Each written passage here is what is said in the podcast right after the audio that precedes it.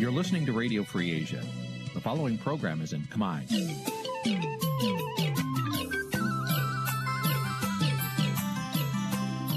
Nǐ chi càm bi tiệp xáy vệt chiu a zì sê ray នេះជាកម្មវិធីផ្សាយរបស់ Vithu Azisari ជាភាសាខ្មែរ វត្តឈូអាស៊ីសេរីសូមស្វាគមន៍លោកអ្នកនាងទាំងអស់ពីរដ្ឋធានី Washington នៃសហរដ្ឋអាមេរិក។ ចាប់ផ្សាយផ្ទាល់ពីរដ្ឋធានី Washington នាងខ្ញុំខែសុណងសូមជម្រាបសួរលោកនាងកញ្ញាប្រិយមិត្តអ្នកស្ដាប់ការផ្សាយរបស់វិទ្យុអាស៊ីសេរីទាំងអស់ជាទីមេត្រីចា៎នាងខ្ញុំសូមជូនកម្មវិធីផ្សាយសម្រាប់យប់ថ្ងៃប្រហ័ស200ខែផុតត្របុត្រឆ្នាំឆ្លូវត្រីស័កពុរសករាជ2565ដែលត្រូវនៅថ្ងៃទី23ខែកញ្ញាគ្រិស្តសករាជ2021ចា៎ជាដំបូងនេះសូមអញ្ជើញលោកនាងស្ដាប់ព័ត៌មានប្រចាំថ្ងៃដែលមានមេតិការដូចតទៅ thank you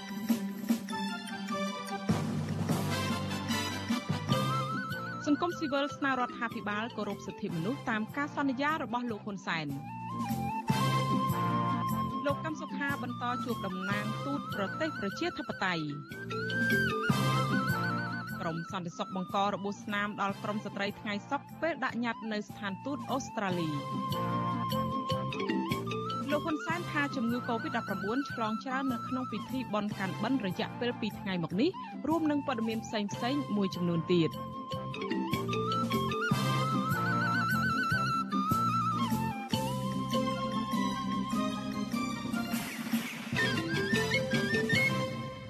ចាជាបន្តទៅនេះនាងខ្ញុំខែសុណងសូមជូនព័ត៌មានទាំងនេះពុស្ដា ចាលោករនាងជាទីមេត្រីក្រមមន្ត្រីអង្គការសង្គមស៊ីវិលចង់ឃើញរដ្ឋាភិបាលគោរពសិទ្ធិមនុស្សប្រជាធិបតេយ្យនិងបើកលំហបរិយាកាសនយោបាយឲ្យបានល្អតាមការសន្យារបស់លោកហ៊ុនសែននៅចំពោះមុខអ្នករាយការណ៍ពិសេសនៃអង្គការសហប្រជាជាតិប្រចាំនៅកម្ពុជា ឆ្លើយតបទៅនឹងសំណើនេះមន្ត្រីរដ្ឋាភិបាលនិយាយថារដ្ឋាភិបាលបំពេញការងាររបស់ខ្លួនតាមច្បាប់ប៉ុន្តែមិនធ្វើតាមការនិយាយរបស់មន្ត្រីអង្គការសង្គមស៊ីវិលនោះទេចាលោកនាងនឹងបានស្ដាប់សេចក្តីរាយការណ៍នេះពុស្ដានៅពេលបន្តិចទៀតនេះ។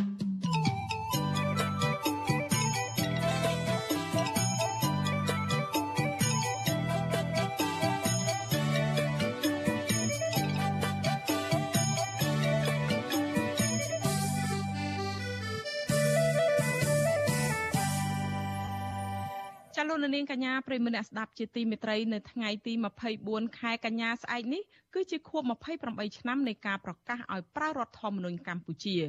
ប្រសូតប្រសូតឡើងនៅក្នុងឆ្នាំ1993រដ្ឋធម្មនុញ្ញកម្ពុជាបច្ចុប្បន្នគឺជាច្បាប់កម្ពុជាល្អជាង និងទំនើបជាងរដ្ឋធម្មនុញ្ញចំនួន5នៃរបបមុន។ ល្អជាងរដ្ឋធម្មនុញ្ញមុនមុនគឺដោយសារតែរដ្ឋធម្មនុញ្ញមួយនេះមានមូលដ្ឋានគ្រឹះចេញមកពីកិច្ចព្រមព្រៀងសន្តិភាពទីក្រុងប៉ារីសឆ្នាំ1991ដែលជាសន្ធិសញ្ញាអមតៈទោះបីជាត្រូវធ្វើវិសោធនកម្មជាច្រើនលើក៏ដោយក៏រដ្ឋធម្មនុញ្ញមួយនេះនៅរក្សាខ្លឹមសារដើមសំខាន់សំខាន់ដូចជាកំណត់ប្រព័ន្ធគ្រប់គ្រងរដ្ឋត្រូវតែជាប្រព័ន្ធប្រជាធិបតេយ្យសេរីពហុបករបបសភាធានាសិទ្ធិមនុស្សគ្រប់គ្រងដោយរដ្ឋដោយនីតិរដ្ឋជាដើម។ ទោះជាយ៉ាងណាកម្ពុជាក្រោមសម័យដេជោជាច្រើនអាណត្តិកន្លងមកនេះការគោរពប្រតិបត្តិតាមរដ្ឋធម្មនុញ្ញមានដែរតែការបំពារបំពានច្បាប់មានច្រើនជាងតើរដ្ឋធម្មនុញ្ញរងការបំពារបំពានបែបណាចាសសូមលោកនាងរងចាំស្ដាប់សេចក្តីរាយការណ៍នេះពឹស្ដានៅព្រឹកស្អែក thank you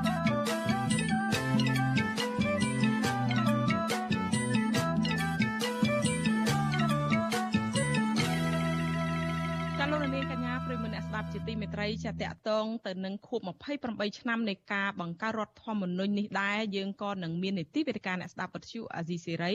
នៅរាត្រីថ្ងៃសុក្រស្អែកនេះដែលនឹងជជែកថាតើរយៈពេល28ឆ្នាំមកនេះ ការគោរពនិងការលើកដំកើងរដ្ឋធម្មនុញ្ញរបស់មេដឹកនាំរដ្ឋបានដល់កម្រិតណាហើយតើប្រជាពលរដ្ឋមានការយល់ដឹងអំពីស្មារតីនៃរដ្ឋធម្មនុញ្ញបែបណានោះចា៎ដូច្នេះសូមលោកនាងរងចាំទស្សនាកិច្ចពិភាក្សានៅក្នុងនីតិវេទិកាអ្នកស្ដាប់វិទ្យុអស៊ីសេរីកុំបីខានអំពីរឿងនេះចា៎ហើយ ប្រសិនជាលោកនាង មានជាសំណួរឬក៏មតិយោបល់មកកាន់វាគ្មិនរបស់យើងសូមលោកនាងដាក់លេខទូរស័ព្ទរបស់លោកអ្នកនៅក្នុងខ្ទង់ comment Facebook ឬក៏ YouTube ដែលកំពុងផ្សាយផ្ទាល់នេះឬក៏នៅក្នុងប្រអប់សារ Facebook Messenger របស់វិទ្យុអេស៊ីសេរីហើយក្រុមការងាររបស់យើងនឹងហៅត្រឡប់ទៅលោកនាងវិញចាសសូមអរគុណអេស៊ីសេរី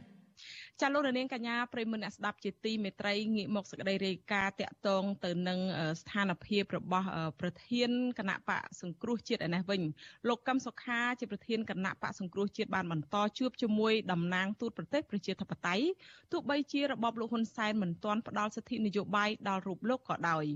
លោកកឹមសុខាបង្ហោះសារនៅលើបណ្ដាញសង្គម Facebook នៅថ្ងៃទី23ខែកញ្ញានេះថាលោកបានជួបជាមួយឯកអគ្គរដ្ឋទូតអាល្លឺម៉ង់លោក Christian Berger នៅឯគេហដ្ឋានរបស់លោកនៅឯខណ្ឌទួលគោករាជធានីភ្នំពេញលោកបញ្ជាក់ថាជំនុំនេះគឺជាការសម្ដែងការគួសមជាមួយមន្ត្រីជាន់ខ្ពស់ពីររូបនៃស្ថានទូតអាល្លឺម៉ង់ដែលទើបមកកាន់តំណែងថ្មីនៅកម្ពុជាលោកកឹមសុខាឲ្យដឹងទៀតថានៅក្នុងជំនួបនោះលោកបានពិភាក្សាគ្នាអំពីស្ថានទូតពីស្ថានភាពទូទៅនៅកម្ពុជារួមទាំងបញ្ហាជំងឺ Covid-19 និងបញ្ហាទឹកជំនន់ជាដើម របបលោកហ៊ុនសែនបានចោទប្រកាន់លោកកឹមសុខាពីបទក្បត់ជាតិប៉ុន្តែជាង4ឆ្នាំមកនេះអាជ្ញាធរមិនបានបង្ហាញភ័ស្តុតាងរឹងមាំណាមួយដែលបង្ហាញពីទោសកំហុសរបស់លោកនោះឡើយ។ផ្ទុយទៅវិញសំណុំរឿងនេះត្រូវបានផ្អាប់ទុកនៅទៅតាមការចង់បានរបស់លោកនាយករដ្ឋមន្ត្រីហ៊ុនសែនការអូសបន្លាយសំណុំរឿងនៅតុលាការក្រុងភ្នំពេញបូករួមទាំងការដកហូតសិទ្ធិនយោបាយពីសំណាក់តុលាការកំពូលផងនោះត្រូវបានធ្វើឲ្យមេបកប្រឆាំង ដែលធ្លាប់តែមានថ្មីមករំនេះរក្សាភាពស្ងៀមស្ងាត់តាក់ទងទៅនឹងការវិវត្តនៃស្ថានភាពនយោបាយនៅកម្ពុជាទោះជាយ៉ាងណាក៏ដោយបណ្ដាអង្គទូតប្រទេសប្រជាធិបតេយ្យនៅតែផ្ដល់តម្លៃដល់រូបលោកតាមរយៈជំនួបជាហោហែសំបីតែមន្ត្រីការបរទេសជាន់ខ្ពស់របស់ប្រទេសសេរីក៏ឆ្លៀតពេលទៅជួបលោកដែរនៅពេលដែលពួកគេមកបំពេញទស្សនកិច្ចផ្លូវការនៅកម្ពុជាក្រមប្រទេសប្រជាធិបតេយ្យ អង្គការសង្គមស៊ីវិលជាតិនិងអន្តរជាតិព្រមទាំងទីភ្នាក់ងារអង្គការសហប្រជាជាតិផ្នែកសិទ្ធិមនុស្សផងនៅតែទទួលស្គាល់ថាលោកកឹមសុខាគឺជាមនុស្សស្អាតស្អំនិងរងការចោទប្រកាន់ដោយអយុត្តិធម៌ពួកគេបន្តទទូចដល់របបលោកហ៊ុនសែនឲ្យទម្លាក់ចោលនៅបទចោទប្រកាន់និងផ្ដល់សេរីភាពពេញលេញដល់មេបកប្រឆាំងរូបនេះដើម្បីឲ្យលោកអាចចាប់ផ្ដើមជីវិតនយោបាយបានឡើងវិញដូចដើម thank you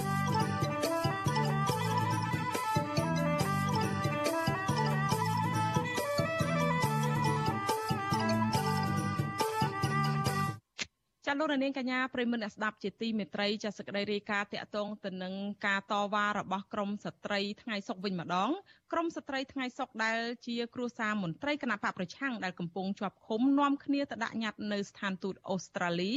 នៅថ្ងៃទី23ខែកញ្ញានេះដើម្បីស្នើសុំឲ្យស្ថានទូតជួយអន្តរាគមន៍ទៅរដ្ឋាភិបាលកម្ពុជាឲ្យដោះលែងគ្រួសាររបស់ពួកគាត់វិញតំណាងក្រមស្ត្រីថ្ងៃសុកលោកស្រីព្រំចន្ទថាឲ្យដឹងថាស្ថានទូតអូស្ត្រាលី បានអនុញ្ញាតឲ្យពួកលោកស្រី3នាក់ចូលទៅដាក់ញត្តិនិងសាកសួរព័ត៌មានបន្ថែមនៅក្នុងស្ថានទូត លោកស្រីថាស្ថានមន្ត្រីស្ថានទូតអូស្ត្រាលីចាប់អារម្មណ៍ខ្លាំងនឹងករណីកូនប្រុសរបស់លោកស្រី គឺកុមារាកសវណ្ណឆៃដែលត្រូវបានអាជ្ញាធរចាប់ដាក់ពន្ធនាគារទាំងមិនទាន់គ្រប់អាយុនិងមានជំងឺសតិបញ្ញាលោកស្រីបន្ថែមថាមន្ត្រីស្ថានទូតបានសន្យាថានឹងជម្រាបជូននៅខ្លឹមសារញត្តិរបស់ពួកលោកស្រីទៅកាន់រដ្ឋាភិបាលអូស្ត្រាលី។ ការប្រមូលផ្ដុំគ្នារបស់ក្រមស្ត្រីដែលមានគ្នាជាង10នាក់នៅខាងមុខស្ថានទូតអូស្ត្រាលីនេះក៏មានការរំខាននិងបំបែកពីក្រមអាជ្ញាធរនិងកងសន្តិសុខសាលារាជធានីភ្នំពេញដោយសពដងដែរ។ កងសន្តិសុខបានឆក់យករូបបដារូបថតពីក្រមស្ត្រីបណ្ដាលឲ្យពួកលោកស្រីក្រមស្ត្រីតវ៉ារងរបួសចាក្រមស្ត្រីអ្នកតវ៉ាបានថ្កោលទោសទង្វើរបស់ក្រមអាជ្ញាធរនិងកងកម្លាំងសន្តិសុខសាលារាជធានីភ្នំពេញថាជារឿងដ៏អាក្រក់ព្រមទាំងជាការរំលោភច្បាប់ និងសិទ្ធិរបស់ពួកគាត់ទាំងកំរោលចាលោកនាងជាទីមេត្រីចាតកតងទៅនឹងរឿងអំពើហិង្សានេះចាយើងមានអឺ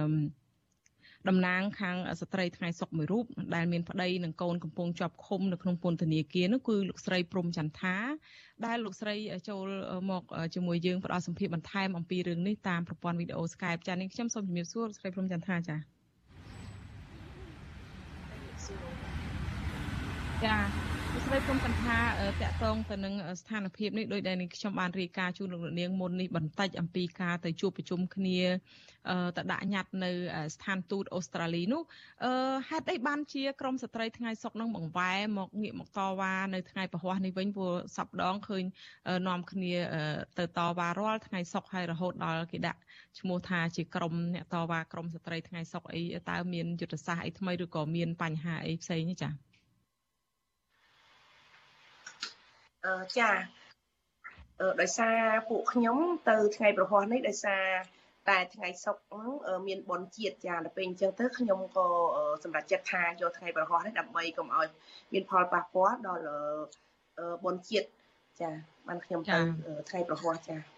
ចាអញ្ចឹងរឿងតកតងនឹងរឿង ពិធីបន់ជាតិទេកុំឲ្យប៉ះពាល់ចាប៉ុន្តែយើងឃើញថាទោះបីជាលោកស្រីទៅតវ៉ាថ្ងៃណាឬក៏ទៅដាក់ញត្តិដោយសន្តិវិធីដោយយ៉ាងម៉េចក៏ដោយក៏ខាងក្រមសន្តិសុខនឹងតែងតែមករៀបរៀងនឹងហាមឃាត់ហើយមកដដើមយករូបថតអីបដាពីក្រមស្ត្រីអីជាញឹកញាប់តើលោកស្រីយល់ឃើញយ៉ាងម៉េចដែរចំពោះរឿងនេះចាចំពោះរឿងនេះខ្ញុំមានការសោកស្ដាយយ៉ាងខ្លាំងដោយសារក្រមអាជ្ញាធរជាពិសេសគឺ ក្រមខណ្ឌខណ្ឌចកាមនដោយសារអាជ្ញាធរគាត់បានបញ្ជាឲ្យឆ្លប់នឹងបញ្ជាការពារដើម្បីឲ្យមករៀបរៀងពួកខ្ញុំទោះជាពួកខ្ញុំទៅឲ្យដាក់ដោយអហិង្សាយ៉ាងណាក៏ដោយពួកគាត់បានរៀបរៀងឬក៏ឆក់យករូបថតដើម្បីកុំឲ្យខ្ញុំទៅទៀមទាឬក៏ដែលថាមិនឲ្យប្រជាពលរដ្ឋឃើញជាទូទៅ ខ្ញុំទៅនេះគឺដើម្បីរករកស្ថានទូតដំណោះជួយដំណោះស្រាយពួកខ្ញុំទី1ទី2គឺខ្ញុំឲ្យទៅនេះខ្ញុំតែជាពលឺសំឡេងឬក៏លើរូបថតដើម្បីឲ្យប្រជាពលរដ្ឋបានដឹងថាខ្ញុំទៅដើម្បីអីចាដល់ពេលអញ្ចឹងពួកគាត់បានរៀបរៀងយ៉ាងខ្លាំងមិនឲ្យពួកខ្ញុំលើកជារូបថតដើម្បីអឺអឺឲ្យស្ថានទូតគាត់ឃើញនិងប្រជាពលរដ្ឋឃើញពួកគាត់ថា ពេលខ្ញុំលើកទៅហ្នឹងគឺមានផលប៉ះពាល់ដល់គេដើម្បីយើងប្រើយើងយើងទៅហ្នឹងគេថាគាត់ថាគឺបំពុលសង្គមតាមពិតខ្ញុំទៅដើម្បីអឺអឺឲ្យស្ថានទូតដើម្បីរកដំណោះស្រាយពួកខ្ញុំមិនមែនទៅបំពុលសង្គមអីទេដោយសារតែពួកខ្ញុំមានផលពិបាកនិងអឺឬថាវិបាលចាប់រកគូសាពួកខ្ញុំនឹងឲ្យបើខ្ញុំទៅឲ្យស្ថានទូតជួយព្រោះខ្ញុំអស់ចំនួនទៅលើតឡាការទាំងស្រុងម្ដងដោយសារតឡាការអឺប្រព័ន្ធតឡាការមិនអាចដោះស្រាយខ្ញុំដោយយុត្តិធម៌ទេ ចាអញ្ចឹងខ្ញុំអស់ជំនឿលើប្រព័ន្ធតុលាការអញ្ចឹងមកខ្ញុំទៅរកស្ថានទូតដើម្បីឲ្យលោកជួយរកដំណោះស្រាយពួកខ្ញុំចា ចាលោកស្រីព្រមចន្ទថាមកដល់ពេលនេះតើខាងស្ថានទូតខ្ញុំដឹងហើយនៅក្នុងសេចក្តីរាយការណ៍ហ្នឹងគឺថាខាងមន្ត្រីស្ថានទូតអូស្ត្រាលីហ្នឹងគេយកចិត្តទុកដាក់ឲ្យទទួលយកញត្តិរបស់ក្រមស្ត្រីហើយសួរសុខទុក្ខលើក្រមអ្នកជាប់ពន្ធនាគារអីទៀតផងហើយក៏សួរច្រើនពីករណីកូនប្រុសរបស់លោកស្រីតើលោកស្រីសង្ឃឹមថាគេនឹងជួយអន្តរាគមឬក៏ផ្ដល់យុតិធធឬក៏អាចថាក្រមគ្រួសាររបស់អ្នកជាប់ឃុំមន្ត្រីគណៈបកប្រឆាំងទាំងអស់នឹងអាចបានមានសេរីភាពនៅក្រៅឃុំវិញទេចា៎ខ្ញុំគិតថាប្រទេសនីមួយនីមួយដែលមកដាក់ស្ថានទូតនៅកម្ពុជា គឺប្រទេសដែលមានការជាប្រជាធិបតេយ្យនិងសិទ្ធិមនុស្សគ្រប់សិទ្ធិមនុស្សចាខ្ញុំសង្ឃឹមថាស្ថានទូតនឹងគាត់អាចជួយដំណោះស្រាយបានព្រោះគាត់អឺមកប្រទេសកម្ពុជាដើម្បីអឺដាក់ស្ថានទូតមួយមួយគឺគាត់គ្រប់សិទ្ធិមនុស្សខ្លាំងណាចាជាចម្បង ទី1គាត់គិតថាប្រទេសកម្ពុជា គឺប្រទេស គ្រប់ច្បាប់ហើយនឹងអឺមានអធិបតេយ្យប៉ុន្តែ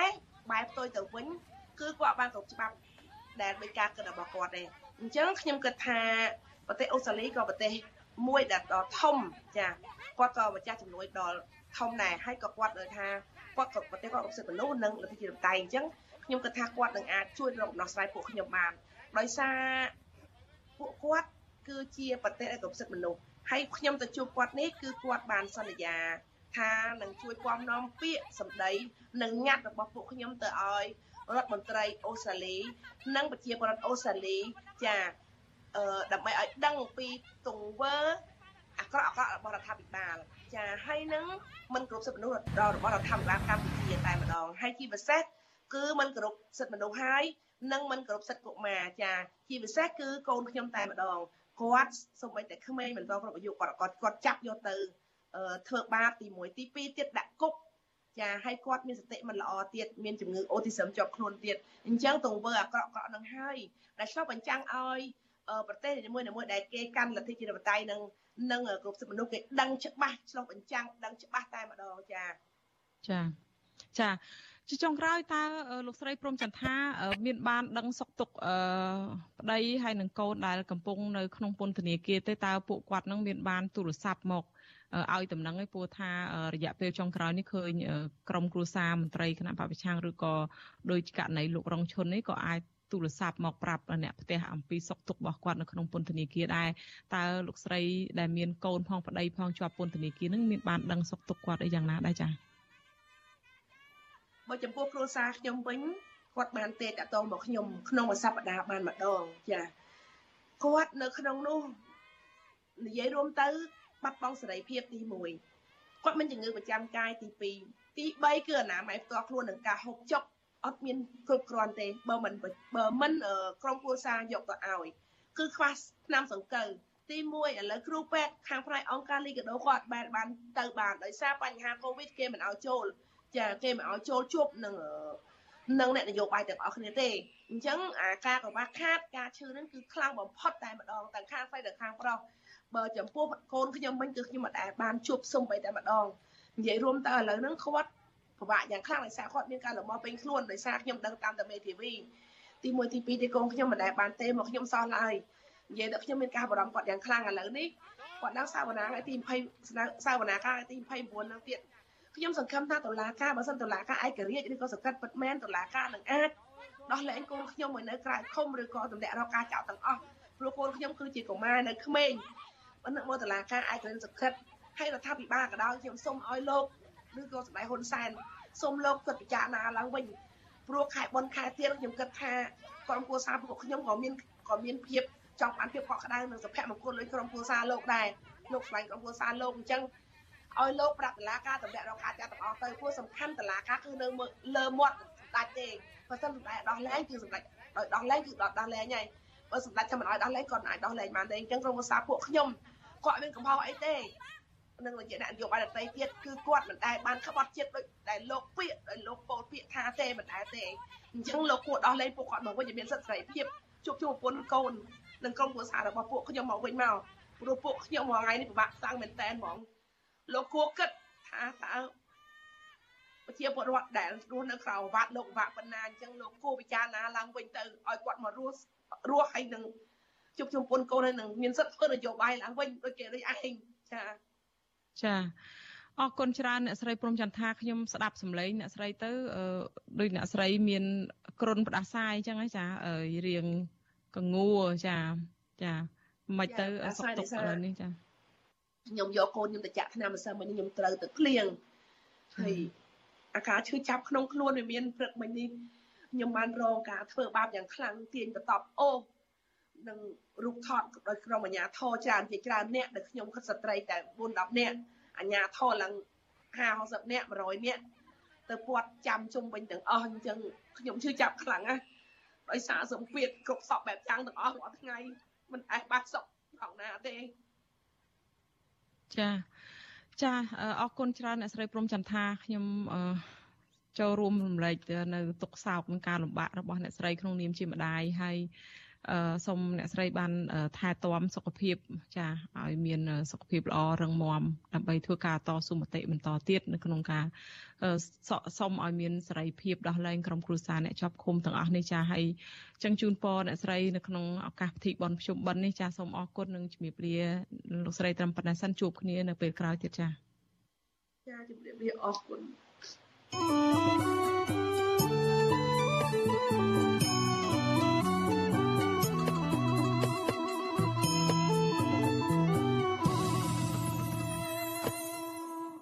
ចាលោកនាងកញ្ញាប្រិមនៈស្ដាប់ជាទីមេត្រីនៅក្នុងថ្ងៃបុណ្យ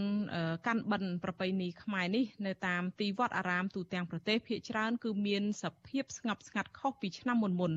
នៅក្នុងរដូវកាន់បិណ្ឌរយៈពេល15ថ្ងៃនេះគឺនៅតាមទីវត្តអារាមខ្លះมันមានពុទ្ធបរិស័ទធ្វើបុណ្យគ្រប់វេននោះទេដោយសារតែពួកគាត់ព្រួយបារម្ភអំពីការឆ្លងរាលដាលជំងឺ Covid-19 និងបញ្ហាខ្វះខាតជីវភាពនៅក្នុងក្រុមគ្រួសារ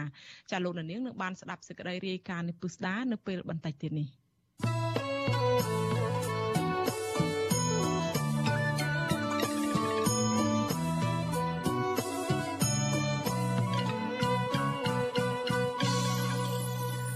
លោករនាងកញ្ញាប្រិមមអ្នកស្ដាប់ជាទីមេត្រីងាកមកស្ថានភាពនៃការរីករាលដាលនៃជំងឺ Covid-19 វិញម្ដងអ្នកជំងឺ Covid-19 ចំនួន22អ្នកទៀតបានស្លាប់ដែលធ្វើឲ្យករណីស្លាប់នេះបានកើនឡើងដល់ជិត2200អ្នកហើយចំពោះករណីឆ្លងថ្មីវិញមានជាង600អ្នកនៅក្នុងថ្ងៃដដែលនេះក្នុងនោះជាង100អ្នកជាករណីនាំចូលពីក្រៅប្រទេសគិតត្រឹមព្រឹកថ្ងៃទី23ខែកញ្ញាកម្ពុជាមានអ្នកកើតជំងឺ Covid-19 ជាង1សែនអ្នកក្នុងនោះអ្នកជាសះស្បើយមានជិត1សែនអ្នកក្រសួងសុខាភិបាលប្រកាសថាគិតត្រឹមថ្ងៃទី22ខែកញ្ញាម្សិលមិញរដ្ឋាភិបាលចាក់វ៉ាក់សាំងជូនពលរដ្ឋបានជាង9លាន8សែននាក់ក្នុងចំណោមអ្នកដែលត្រូវចាក់សរុបចំនួន10លាននាក់ចំណែកកុមារនិងយុវជនដែលមានអាយុចន្លោះពី6ឆ្នាំទៅ17ឆ្នាំវិញក្រសួងបានប្រកាសថាចាក់វ៉ាក់សាំងបានជាង2លាន8សែននាក់ក្នុងចំណោមអ្នកដែលត្រូវចាក់សរុបជិត4លាននាក់ ទោះបីជាកម្ពុជាចាក់វ៉ាក់សាំងជូនប្រជាពលរដ្ឋបានច្រើនយ៉ាងណាក៏ដោយចំនួនអ្នកឆ្លងជំងឺ Covid-19 ហាក់ស្ថិតនៅកម្រិតខ្ពស់នៅឡើយតួលេខអ្នកឆ្លងថ្មីដែលក្រសួងសុខាភិបាលបានប្រកាសជារៀងរាល់ថ្ងៃគឺមានជាង600នាក់ហើយអ្នកស្លាប់មានចន្លោះពី10នាក់ទៅ20នាក់ក្នុងមួយថ្ងៃជាមួយគ្នានេះការបិទគប់ភូមិ ស្រុកដើម្បីបង្ការការឆ្លងរាលដាលជំងឺ Covid-19 នៅតែកើតមានជាហូរហែទាំងនៅរាជធានីភ្នំពេញនៅនៅទៅនិងនៅតាមបណ្ដាខេត្តនានា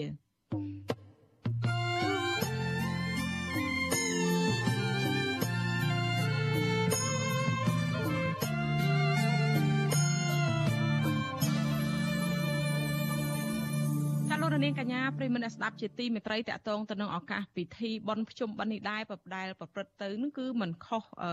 ពីឆ្នាំកន្លងទៅប្រហែលដែរគឺស្ថិតនៅក្នុងបរិយាកាសរដ្ឋបិទខ្លាំងដោយការតែ ដោយសារតែការភ័យខ្លាចការឆ្លងរាលដាលនៃជំងឺ Covid-19 ចាប់ពួកគាត់ម្នាក់ម្នាក់ពេលជួបជុំគ្នានឹងមិនបានបង្ហាញនៅភាពស្និទ្ធស្នាលទេនិងមិនបានបង្ហាញមុខទេគឺដោយសារតែគាត់បិទបាំងនៅរបាំងមុខនិងពាក់ម៉ាស់ជាដើមដើម្បីការពារនិងបង្ការជំងឺឆ្លងនេះចាប់ពិធីបុណ្យភ្ជុំបិណ្ឌចាប់តាំងបានចាប់ផ្ដើមពីថ្ងៃទី1រោចដល់ថ្ងៃទី15រោចខែផុតរបត់ដែលត្រូវនៅថ្ងៃទី22ដល់ថ្ងៃទី6ខែតុលាជាគម្រប់ខួប15ថ្ងៃនៃពិធីបុណ្យនេះ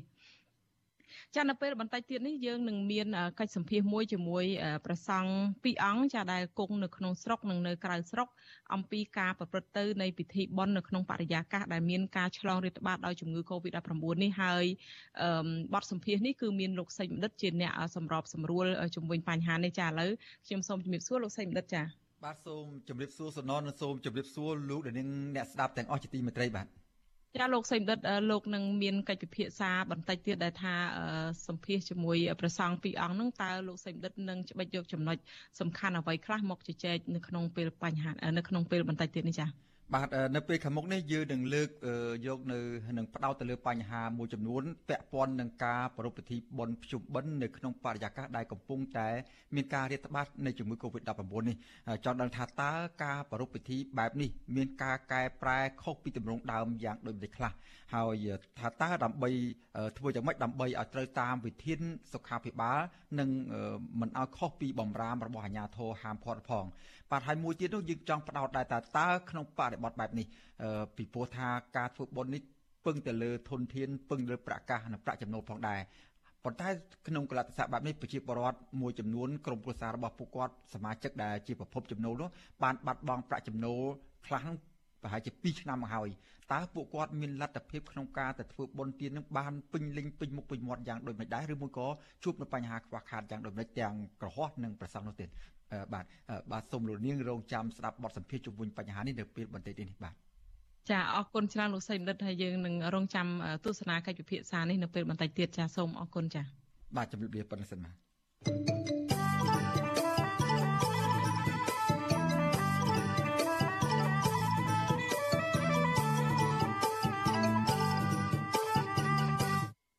ចាលោកនាងកញ្ញាប្រិមនៈស្ដាប់ជាទីមេត្រីអាជ្ញាធរពន្ធនាគារអះអាងថាតៃតមន្ត្រីជាន់ខ្ពស់ក្រសួងយុតិធធលោកសេងសវណ្ណារាកំពុងតែអនុវត្តទោសនៅក្នុងពន្ធនាគារនៅឡើយការលើកឡើងនេះគឺធ្វើឡើងក្រោយពីតុលាការក្រុងភ្នំពេញបានសម្រេចផ្តន្ទាទោសឲ្យលោកជាប់ពន្ធនាគារជាង2ឆ្នាំពាក់ព័ន្ធទៅនឹងករណីរំលោភយកដីព្រៃអភិរក្សទំហំជាង1000ហិកតានៅក្នុងខេត្តមណ្ឌលគិរីចាសសូមអញ្ជើញលោកនាងស្ដាប់សេចក្តីរាយការណ៍របស់លោកមានរិទ្ធអំពីរឿងនេះ មន្ត្រីជាន់ខ្ពស់ពន្ធនាគារឲ្យដឹងថាអតីតមន្ត្រីជាន់ខ្ពស់ក្រសួងយុតិធធលោកសេងសវណ្ណារាកំពុងជាប់ឃុំក្នុងពន្ធនាគារព្រៃសរនៅរាជធានីភ្នំពេញអគ្គនាយករងនឹងជាអ្នកនាំពាក្យអគ្គនាយកដ្ឋានពន្ធនាគារលោកនុតសាវណ្ណាឲ្យដឹងនៅថ្ងៃទី23ខែកញ្ញាថាលោកសេងសវណ្ណារាមិនត្រូវបានដោះលែងស្ងាត់ស្ងាត់ដោយតាមការសង្ស័យរបស់មន្ត្រីមួយចំនួននោះទេក៏ប៉ុន្តែគាត់កំពុងជាប់ឃុំតាមអំណាចសាក្រមរបស់តុលាការ លោកបញ្ជាក់ថាលោកសេងសវណ្ណារា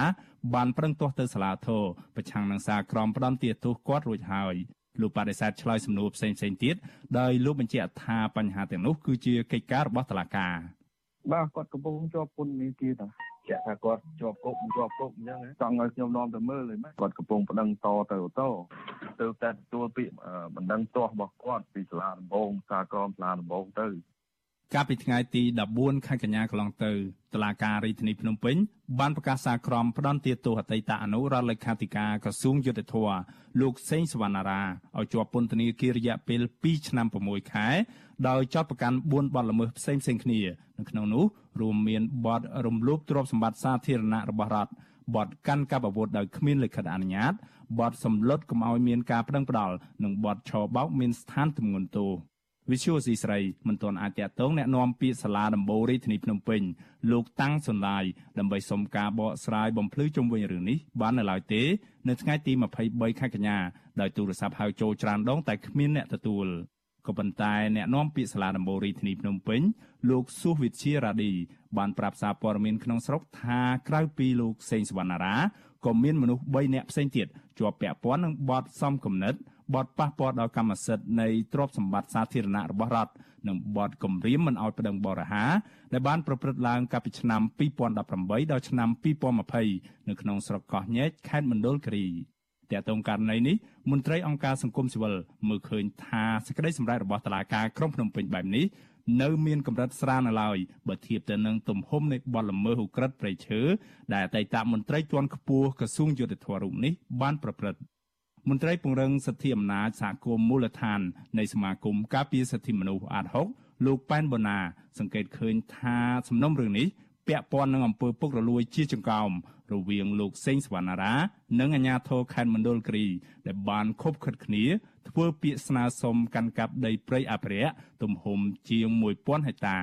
លោកបញ្ជាក់ថាការធ្វើពាក្យស្នើសុំកាន់កាប់ដីធ្លីដែលមានទំហំធំធេងបែបនេះដោយមានចុះហត្ថលេខារបស់អាជ្ញាធរមូលដ្ឋាន រហូតដល់អភិបាលខេត្តផងនោះគឺជារឿងខុសច្បាប់ក៏ប៉ុន្តែលោកថាតឡាកាមិនបានស៊ើបអង្កេតនិងផ្ដន់ទាទោសអាជ្ញាធរពាក់ព័ន្ធនឹងករណីនេះនៅឡើយទេ បើចឹងស្រាវជ្រាវអស់បើមិនស្រាវជ្រាវអស់ដើម្បីយកមកផ្ដន់ទាទោសទេយុទ្ធធរ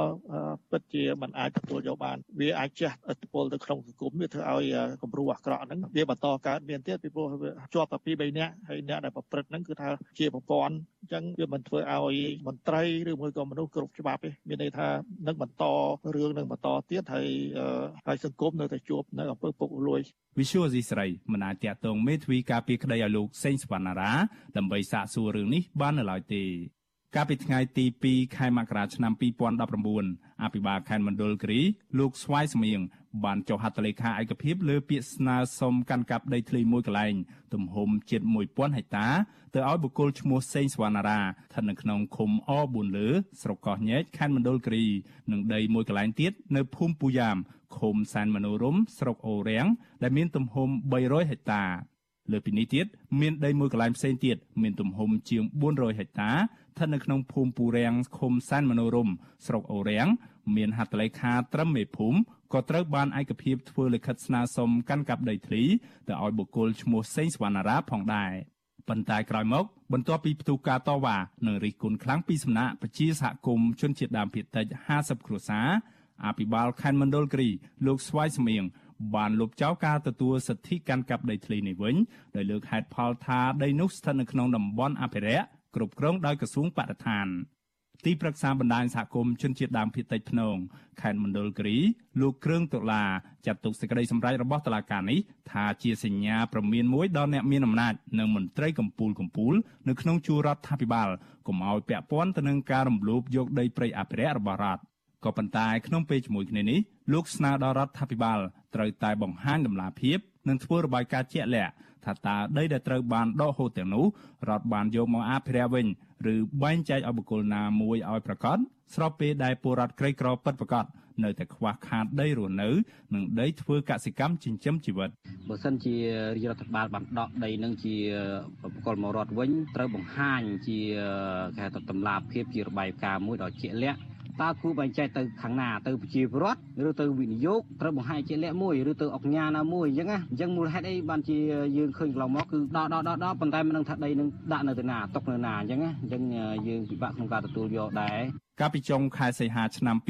2019លោកនាយករដ្ឋមន្ត្រីហ៊ុនសែនបានបញ្ជាឲ្យដកតំណែងអនុរដ្ឋលេខាធិការក្រសួងយុទ្ធភ័ពលោកសេងសវណ្ណារាក្រោយពីរកឃើញថាមន្ត្រីជាន់ខ្ពស់ក្រសួងយុទ្ធភ័ពរូបនេះ ជាប់ពាក់ព័ន្ធទៅនឹងអំពើរំលោភយកដីព្រៃអភិរក្សទំហំជាង1000ហិកតាស្ថិតនៅក្នុងខណ្ឌមណ្ឌលគិរីក្រោយមកតឡាការរាជធានីភ្នំពេញបានសម្រេចឃុំខ្លួនលោកសេងសវណ្ណារានិងបកពួក3នាក់ផ្សេងទៀតនៅក្នុងពន្ធនាគារព្រៃសរកាលពីចុងខែមិថុនាឆ្នាំ2020មកទល់ពេលនេះអតីតមន្ត្រីជាន់ខ្ពស់ក្រសួងយុទ្ធភ័ពរូបនេះបានជាប់ឃុំអស់រយៈពេលជាង1ឆ្នាំមកហើយខ្ញុំបានមេរិត Visual C ស្រីរាយការណ៍ពីរដ្ឋធានី Washington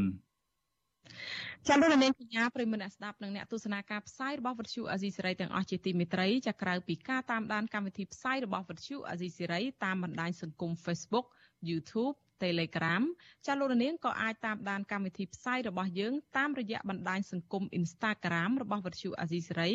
តាមរយៈតំណភ្ជាប់ instagram.com/ RFA ខ្មែរចាប់វិទ្យុអេស៊ីស្រីបន្តខិតខំផ្សព្វផ្សាយព័ត៌មានពិតទៅកាន់បងប្អូនតាមរយៈបណ្ដាញសង្គមផ្សេងផ្សេងនិងសម្បូរបែបដើម្បីឲ្យលោកនាងងាយស្រួលតាមដានការផ្សាយរបស់យើងគ្រប់ពេលវេលានិងគ្រប់ទីកន្លែងតាមរយៈទូរស័ព្ទដៃរបស់លោកនាងចាសសូមអរគុណ thank you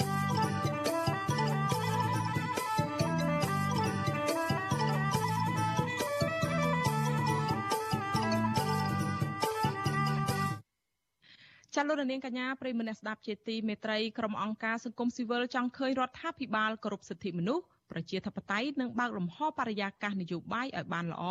តាមរយៈការសន្យារបស់លោកហ៊ុនសែននៅចំពោះមុខអ្នករាយការណ៍ពិសេសនៃអង្គការសហប្រជាជាតិប្រចាំនៅកម្ពុជាឆ្លើយតបទៅនឹងសំណើនេះមន្ត្រីរដ្ឋាភិបាលនិយាយថារដ្ឋាភិបាលបំពេញការងាររបស់ខ្លួនតាមច្បាប់ប៉ុន្តែមិនធ្វើតាមការនិយាយរបស់ក្រុមអង្គការសង្គមស៊ីវិលនោះទេចាប់ពីរដ្ឋធានី Washington លោកទីនសាការីយ៉ារាយការណ៍ព័ត៌មាននេះក្រុមអ្នកខ្លាំមើលការរំលោភសិទ្ធិមនុស្ស ស្វាគមន៍ជំនួបរវាងប្រមុខរដ្ឋាភិបាលលហ៊ុនសែនជាមួយអ្នករាយការណ៍ពិសេសរបស់អង្គការសហប្រជាជាតិទទួលបន្ទុកផ្នែកសិទ្ធិមនុស្សលោកវិទិតមុនតាបនដែលជាជំនួបលើកដំបូងកាលពីថ្ងៃទី22កញ្ញាទោះជាយ៉ាងណាពួកគេកត់សម្គាល់ថាការធានាត្រឹមតែការគោរពសិទ្ធិរស់រានមានជីវិតមិនទាន់គ្រប់គ្រាន់ឡើយនៅក្នុងសង្គមប្រជាធិបតេយ្យក្រុមមន្ត្រីសិទ្ធិមនុស្សស្នើទៅរដ្ឋាភិបាលត្រូវតែមានការគោរពសិទ្ធិសេរីភាពការបើកលំហប្រជាធិបតេយ្យ ទើបធ្វើឲ្យប្រជាពលរដ្ឋមានសន្តិភាពទាំងផ្លូវកាយនិងផ្លូវចិត្តអ្នកនាំពាក្យសមាគមអាតហុកលោកសង្សានករណាសង្កេតឃើញថាមកទល់ពេលនេះទោះជាភាគីរដ្ឋាភិបាលអះអាងថាខ្លួនព្យាយាមគោរពសិទ្ធិមនុស្សនិងប្រជាធិបតេយ្យក្តីប៉ុន្តែលោកថាករណីជាក់ស្ដែងកម្ពុជាត្រូវបានសហគមន៍អន្តរជាតិអះអាងថាមិនមែនជាប្រទេសគោរពសិទ្ធិមនុស្សនិងប្រជាធិបតេយ្យឡើយសហគមន៍អន្តរជាតិទាមទារឲ្យរបបឯកបកស្ដារប្រជាធិបតេយ្យ និងគោរពសិទ្ធិមនុស្សជាច្រើនឆ្នាំមកហើយ។អត់ទាន់ឃើញមានការឆ្លើយតបនឹងការលើកឡើងទេចំណុចទាំងអស់នេះយើងនឹងរងចាំមើលផងដែរអំពីខាងឧត្តមស្នងការអង្គការសហវិជាជាតិទទួលបន្ទុកផ្នែកសិទ្ធិមនុស្សនឹងថាតើអ្វីជាការលើកឡើងទាំងអស់ហ្នឹងគឺពិតជាមានការលើកឡើងក្នុងប្រមាណចំណុចនឹងដែរទេហើយមានផលវិជ្ជមានរបៀបម៉េចនៅខាងឧត្តមស្នងការនឹង ដោយគ្នាដែរនាយករដ្ឋមន្ត្រីបន្ទុកផ្នែកឃ្លាំមើលការរំលោភសិទ្ធិមនុស្សនៃអង្គការសិទ្ធិមនុស្សលីកាដូលោកអំសំអាតលើកឡើងថាការជជែករវាងលោកហ៊ុនសែននិងអ្នករាយការណ៍ពិសេសរបស់អង្គការសហប្រជាជាតិនេះនៅស្របពេលដែលប្រជាពលរដ្ឋកំពុងតែប្រឈមនៅបញ្ហាជាច្រើនពិសេសការបំពីបំពេញពីសំណាក់អាជ្ញាធររដ្ឋាភិបាលនិងមួយចំនួនទៀតកំពុងតែជាប់ឃុំនៅក្នុងពន្ធនាគារជាដើម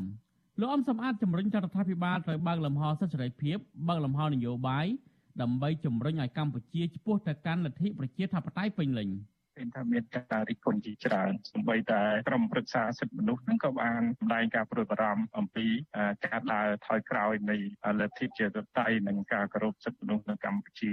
ការលើកឡើងរបស់មន្ត្រីសង្គមស៊ីវិលបែបនេះក្រោយពេលលោកហ៊ុនសែនអះអាងថាកម្ពុជាចង់មានបរិស្ថានសង្គមគិច្ចសេដ្ឋកិច្ចនិងនយោបាយល្អមានលំហប្រជាធិបតេយ្យ ព្រមទាំងចង់មានកិច្ចសហប្រតិបត្តិការជាមួយអ្នករាយការណ៍ពិសេសដើម្បីបង្កើតបរិយាកាសដែលជឿជាក់គ្នាប្រកបដោយការស្ថាបនាលើបញ្ហាសិទ្ធិមនុស្សនៅក្នុងជំនួបលើកដំបូងតាមប្រព័ន្ធ Video Conference រវាងលោកហ៊ុនសែនជាមួយអ្នករាយការណ៍ពិសេសអង្គការសហប្រជាជាតិលោកវិទិតមុនតាបនកាលពីថ្ងៃទី22កញ្ញាលោកហ៊ុនសែនលើកឡើងថាភាគីអ្នករាយការណ៍ពិសេសបានស្នើសុំស្វែងយល់ពីស្ថានភាពចំនួន4ធំធំដែលរួមមាន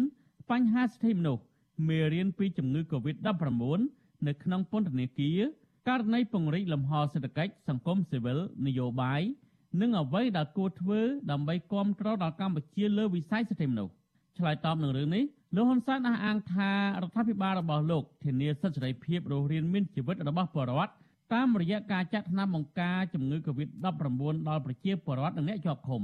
រួមទាំងដោះស្រាយករណីឆ្លងជំងឺ Covid-19 នៅក្នុងពន្ធនាគារ លោកថារដ្ឋាភិបាលរបស់លោកត្រូវតែរក្សាឲ្យបានជាដាច់ខាតនៅសុខសន្តិភាពនិងស្ថិរភាពសង្គមទាក់ទងនឹងបញ្ហានេះវិទ្យុអាស៊ីសេរីមិនអាចសុំការបញ្ជាក់បន្ថែមពីសមាជិកនិងជាអ្នកនាំពាក្យគណៈកម្មាធិការសិទ្ធិមនុស្សរបស់រដ្ឋាភិបាលលោកកតាអនបាននៅឡើយទេនៅថ្ងៃទី23កញ្ញាទោះជាយ៉ាងណាកាលពីខែសីហាសាស្ត្រាចារ្យវិទិតមុនតបនរួមជាមួយអ្នកជំនាញសិទ្ធិមនុស្សអង្គការសហប្រជាជាតិចំនួន4រូបទៀតបានសម្ដែងកង្វល់ ទាក់ទងនឹងការឃុំខ្លួនអ្នកការពារសិទ្ធិមនុស្សនិងសកម្មជនបរិស្ថានបណ្ដោះអាសន្នរួមមានកញ្ញាឈឿនដារាវីលោកហ៊ុនវណ្ណៈបដិជគុណកើតសារាយលោកថាឡាវីកញ្ញាអេងម៉ាឡៃលោកមួងសុភ័ក្រនិងលោកមួងព្រំនីជាដើមដែលពួកគេត្រូវបានឃុំខ្លួនដោយបំពាននិងដកហូតសិទ្ធិសេរីភាពរបស់ពួកគេក្រុមអ្នកជំនាញសិទ្ធិមនុស្សលើកឡើងថាសកម្មភាពរបស់សកម្មជនទាំងនោះជាការងារស្របច្បាប់ និងដោយសន្តិវិធី ក្នុងការការពារសិទ្ធិមនុស្សនិងសេរីភាពជាមូលដ្ឋានរបស់ប្រជាពលរដ្ឋកម្ពុជា លើសពីនេះទៀតក្រុមអ្នកជំនាញបានសម្ដែងកង្វល់យ៉ាងខ្លាំងចំពោះរបាយការណ៍ដែលថាអាញាធរកម្ពុជាកំពុងតែកំណត់គោលដៅគម្រាមកំហែងនិងដាក់ទោសទណ្ឌដល់អ្នកការពារសិទ្ធិមនុស្សក្នុងគោលបំណងឲ្យមានការភ័យខ្លាចក្នុងចំណោមអ្នកដែលធ្វើការងារដើម្បីការពារសិទ្ធិមនុស្សនិងសេរីភាពជាមូលដ្ឋានជំវិញនឹងករណីនេះអ្នកនាំពាក្យរដ្ឋាភិបាលលោកផៃស៊ីផានអះអាងថា ការគោរពសិទ្ធិមនុស្សទាមទារឲ្យមានការចូលរួមអនុវត្តទាំងអស់គ្នាលោកផៃស៊ីផានឆ្លើយតបទៅសំណើរបស់មន្ត្រីសង្គមស៊ីវិលថារដ្ឋាភិបាលបានអនុវត្តការគោរពសិទ្ធិមនុស្សប្រជាធិបតេយ្យទៅតាមច្បាប់របស់កម្ពុជា មិនមែនធ្វើតាមការលើកឡើងរបស់មន្ត្រីអង្គការសង្គមស៊ីវិលនោះទេ ហើយបើសិនជាយើងយកគោលការណ៍ផ្សេងដទៃទៀតនៅលើពិភពលោកនេះយើងយកសិទ្ធិនៃប្រជាជាតិមួយពូជសាសន៍មួយយកទៅបំពាក់លើពូជសាសន៍មួយវាមិនដែលវាអត់ទទួលបានលទ្ធផលនោះទេអ្វីដែលចាំមើលឃើញបាទរបបឯកបៈរបស់លោកហ៊ុនសែនត្រូវបានសហគមន៍អន្តរជាតិស្គាល់ទោសថាដែលខុសពីគន្លងនៃការគោរពសិទ្ធិមនុស្សនិងប្រជាធិបតេយ្យហើយបានធ្វើទុកបុកម្នេញលើគណៈបកប្រឆាំង រហូតដល់មានការបំផិតបំភ័យនិងធ្លាប់បានរារាំងការងាររបស់អតីតនារីកាពិសេសរបស់អង្គការសហប្រជាជាតិប្រចាំនៅកម្ពុជាអ្នកស្រីរណាស្មីតថែមទៀតផងករណីទាំងនេះធ្វើឲ្យសហរដ្ឋអាមេរិកសហភាពអឺរ៉ុបនិងប្រទេសប្រជាធិបតេយ្យផ្សេងទៀតបានដាក់ទណ្ឌកម្មលើរបបឯកបករបស់លោកហ៊ុនសែនជាបន្តបន្ទាប់ខ្ញុំទីនសាការីយ៉ាអសិលសេរីប្រធានីវ៉ាស៊ីនតោន ចាលោកនាងកញ្ញាប្រិយមិត្តអ្នកស្ដាប់ជាទីមេត្រីចាងាកមកសក្តីរាយការណ៍មួយដាច់ដោយឡែកទៀតគឺមន្ត្រីសង្គមស៊ីវិលជំរុញឲ្យក្រសួងការពារជាតិពង្រឹងការអនុវត្តច្បាប់ឲ្យមានប្រសិទ្ធភាព ចំពោះការម្ចាស់យានយន្តពាក់ស្លាកលេខកងយុទ្ធពលខេមរៈភូមិន្ទឬខមដើម្បីកុំឲ្យបាត់បង់ចំណូលពន្ធនិងកុំឲ្យពួកគេបង្កភាពមិនប្រក្រតីនៅលើដងផ្លូវការជំរុញបែបនេះគឺបន្ទាប់ពីរដ្ឋមន្ត្រីក្រសួងការពារជាតិហាមយានយន្ត ពាក់ស្លាកលេខខមនិងណែនាំដល់ម្ចាស់យានយន្តឯកជនដែលកំពុងពាក់ស្លាកលេខពិសេសនេះត្រូវតែរស់រានបង់ពន្ធទៅតាមច្បាប់ចាប់ពីរដ្ឋធានី Washington អ្នកស្រីម៉ៅសុធីនីរាយការណ៍ព័ត៌មាននេះ អង្គការសង្គមស៊ីវិលផ្នែកប្រឆាំងអំពើពុករលួយ សង្កេតឃើញថាករណីយានយន្តឯកជនពាក់ស្លាកលេខខមដើម្បីគេចវេះពីការបង់ពន្ធនិងអាងអំណាចនៅតែកើតឡើងច្រើន ហើយពិបាកដោះស្រាយដោយសារតែបញ្ហាអំពើពុករលួយ ចារនាយកប្រតិបត្តិអង្គការដំឡាភិបកម្ពុជាលោកពេជ្រពិសីមានប្រសាសន៍ថាក្រសួងកាពិជាតិគួរតែលុបបំបាត់ករណីបុគ្គលឯកជន ប្រើប្រាស់រថយន្តពាក់ស្លាកលេខរដ្ឋព្រោះថាករណីនេះធ្វើឲ្យសាធារណជនភ័ន្តច្រឡំនិងបង្កើតភាពមិនស្មើគ្នា ចំពោះការប្រើប្រាស់រថយន្តជាពិសេសគឺធ្វើឲ្យបាត់បង់ចំណូលជាតិ ចាលើកពីនេះលោកពិនិត្យឃើញថាកន្លងមកមានការរិះគន់ជាច្រើន ចំពោះម្ចាស់រថយន្តឯកជនមួយចំនួនអាងស្លាកលេខខមបង្កភាពភ័យខ្លាចឬក៏គំរាមកំហែងដល់អ្នកធ្វើដំណើរនៅលើដងផ្លូវសាធារណៈដែលធ្វើឲ្យប៉ះពាល់ដល់កិត្តិយសនិងសេចក្តីថ្លៃថ្នូររបស់ក្រសួងហើយនិងស្ថាប័នរដ្ឋ ខ្ញុំគិតថាបើសិនជាគេប្រើទីផ្សេងនៅក្នុងការទទួលបានសិទ្ធិហ្នឹងគឺគឺមានពាក់ព័ន្ធនឹងរឿងពីបន្តក្តីផ្សេងផ្សេងទី1ទី2គឺប្រកាសជាមានការទីទំនងសុខបានហើយដើម្បីអ្នកហ្នឹងមានសិទ្ធិប្រើផ្លាកលេខរដ្ឋនឹងឯងហើយកន្លែងហ្នឹងឯងដែលធ្វើឲ្យសាធារណជនគាត់មានការខឹងសម្បាហើយគាត់រួចបារម្ភព្រោះជនការមានការប្រើប្រាស់ផ្លាកលេខហ្នឹងទៅជាជនបរទេសទៅទៀតបាទហើយកន្លែងហ្នឹងគឺពិបាកមែនទែនបរិយាកាសនៃការប្រើប្រាស់ហ្នឹងធ្វើឲ្យជាបរិវត្តខ្លាចហើយជនជាតិបរទេសមិនគួរមានសិទ្ធិប្រើផ្លាកលេខរដ្ឋទេបាទចាននាយកប្រតិបត្តិអង្គការដំឡាភិបកម្ពុជារូបនេះយល់ថាវិធានការប្រមូលពន្ធនិងការហាមរថយន្តឯកជនមិនឲ្យពាក់ស្លាកលេខរដ្ឋនេះគឺជារឿងល្អហើយអាចធ្វើបានដោយជោគជ័យប្រសិនបើក្រសួងការពារជាតិនិងស្ថាប័នជំនាញពាក់ព័ន្ធអនុវត្តច្បាប់ទៅស្មើភាពគ្នានិងមិនមានការលើកលែង កុំឲ្យមានស្តង់ដារ2មានន័យថាបើយើងដាក់ហាត់បែបហ្នឹងទៅដល់បងប្អូនដែលគាត់ធ្លាប់ប្រើផ្លាកលេខហ្នឹងជាទូទៅហើយយើងមិនគួរឲ្យមានការលើកលែងទេបើមិនចឹងទេតែតែមានបរិយាកាសនឹងកើតឡើងទៀតហើយខ្ញុំគិតថារឿងចំណេញគឺយើងមានច្រើនទីមួយយើងកើនជំនឿសាធារណៈទី2គឺយើងដឹងថាកាលណាបងប្អូនគាត់បង់ពន្ធយើងបានចំណូលជូនរដ្ឋបាទចូលថវិកាជាតិយើងយើងអាចប្រើប្រាស់លុយហ្នឹងជាប្រយោជន៍ប៉ុន្តែយើងត្រូវតែធ្វើរឿងហ្នឹងឲ្យម្ដងហ្នឹងឲ្យចប់តែម្ដងឲ្យមានបញ្ហានឹងកើតឡើងជាបន្តបន្តទៀតហើយឆ្នាំក្រោយឆ្នាំក្រោយយើងត្រូវចេញគៀនការថ្មីទៀតហើយខ្ញុំការលើកឡើងរបស់អង្គការសង្គមស៊ីវិលនេះគឺនៅបន្ទាប់ពីរដ្ឋមន្ត្រីក្រសួងការពារជាតិលោកទាបាញ់កាលពីថ្ងៃទី20ខែកញ្ញា បានចេញសារាចរណែនាំដល់ម្ចាស់យានយន្តឯកជន ដែលកំពុងច្រកក្រោមស្លាកលេខខមត្រូវរស់រាន់ទៅបំពេញកាតព្វកិច្ចពន្ធនិងអាករនាំចូលស្របច្បាប់ហើយនឹងប័ណ្ណបញ្ញត្តិស្ដីពីគយ។ ក្រៅពីនេះលោកក៏បានហាមរថយន្តឯកជន បំពាក់ស្លាកលេខខមនិងតម្រូវឲ្យយានយន្តគ្រប់ប្រភេទដែលពាក់ស្លាកលេខពិសេសនេះត្រូវតែបដូរចង្កូតពីស្ដាំមកឆ្វេងយ៉ាងយូរត្រឹមដំណាច់ខែមិថុនាឆ្នាំ2022ដើម្បីជៀសវាងការប្រឈមផ្លូវច្បាប់ចាលោកទាបាញ់បញ្ជាក់ថាចំពោះយានយន្តឯកជន ដែលពាក់ស្លាកលេខខមឲ្យបានទៅបំពេញកាតព្វកិច្ចពន្ធក្រសួងការពារជាតិនិងរក្សាទុកឲ្យប្រើប្រាស់ជាធម្មតាប៉ុន្តែក្នុងករណីយានយន្តឯកជនពាក់ស្លាកលេខខមមិនបានទៅបំពេញកាតព្វកិច្ចពន្ធក្រសួងការពារជាតិនិងនារីកស្លាកលេខនោះដោយស្វ័យប្រវត្តិជាវត្ថុអសីស្រីមិនទាន់អាចតតងសុំការឆ្លើយតបរឿងនេះបន្ថែម ពីរដ្ឋមន្ត្រីក្រសួងការពារជាតិលោកទាបាញ់និងអ្នកនាំពាក្យក្រសួងការពារជាតិលោកឈុំសុជាតិបាននៅឡើយទេនៅថ្ងៃទី23ខែកញ្ញាជាតកតងកណនីដែរនាយកប្រតិបត្តិអង្គការសម្ព័ន្ធកណន័យភាពសង្គមកម្ពុជាលោកសំជ័យលើកឡើងថាការអនុវត្តវិធានការប្រមូលពន្ធផ្សេងផ្សេងពីម្ចាស់រថយន្តឯកជនដែលពាក់ស្លាកលេខខមស្លាកលេខ Nobo និងស្លាកលេខរដ្ឋគឺជារឿងចាំបាច់ ព្រោះលោកសង្កេតឃើញថារថយន្តពាក់ស្លាកទាំង3ប្រភេទនេះកើនឡើងយ៉ាងច្រើន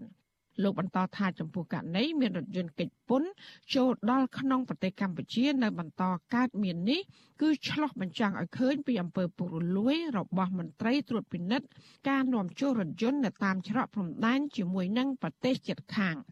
កុំឲ្យមានមន្ទិលតទៅទៀតខ្ញុំគិតថារថយន្តធនធ្ងន់របស់ក្រសួងការវិជាតិរបស់ប៉ូលីសជាដើមហ្នឹងគួរតែប្រើស្លាកលេខ រត់ទៅហើយលុបបំបត្តិស្លាកលេខខមនិងណបនឹងចោលតែម្ដងទៅកុំឲ្យនៅស្មុគស្មាញបន្តទៀតណាធ្វើបែបនេះធ្វើឲ្យកម្ពុជាឃើញតែស្លាកលេខពីរប្រភេទទេស្លាកលេខស៊ីវិលហើយនិងស្លាកលេខរដ្ឋធ្វើអញ្ចឹងស្រួលគ្រប់គ្រងហើយនឹងអាចនឹងឈានទៅដល់ការលុបបំបត្តិនៅការដែលមានរថយន្តកិច្ចពន្ធណា បច្ចុប្បន្នការប្រើប្រាស់រថយន្តនិងតូចចក្រយានយន្តអត់ពន្ធដែលមានពាក់ស្លាកលេខខេមរៈភូមិន្ទនិងស្លាកលេខនគរបាលផងនោះគឺមានទាំងជនស៊ីវិលនិងមន្ត្រីរាជការព្រមទាំងជនជាតិចិនខ្លះផង ពួកគេកំពុងប្រើប្រាស់យានជំនិះទាំងនោះ ជាមធ្យោបាយធ្វើដំណើរជាលក្ខណៈគ្រួសារក្នុងនោះ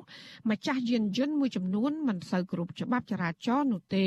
ហើយខ្លះទៀតតែងតែគំរាមកំហែងឬក៏កិច្ចពីការទទួលខុសត្រូវនៅពេលដែលមានគ្រោះថ្នាក់ចរាចរណ៍កើតឡើង។ ចាក់កន្លងមករដ្ឋាភិបាលលោកហ៊ុនសែនក៏ធ្លាប់បានដាក់ចេញវិធានការជាច្រើនលើកដែរដើម្បីបង្ក្រាប និងឲ្យម្ចាស់រថយន្តដែលជ្រកក្រោមស្លាកលេខខមនិងណូបបងពុននិងផ្លាស់ប្ដូរទៅប្រើស្លាកលេខធម្មតាវិញប៉ុន្តែអ្នកខ្លំមើលវាតម្លៃថាវិធានការទាំងនោះ គឺប្រាជ័យជាបន្តបន្ទាប់ដោយសារតែការអនុវត្តច្បាប់ធ្វើឡើងតែមួយឆាវដូចជាភ្លើងចំបើង ចានាងខ្ញុំម៉ៅសុធានីវិទ្យុអាស៊ីស្រីប្រធានាធិបតី Washington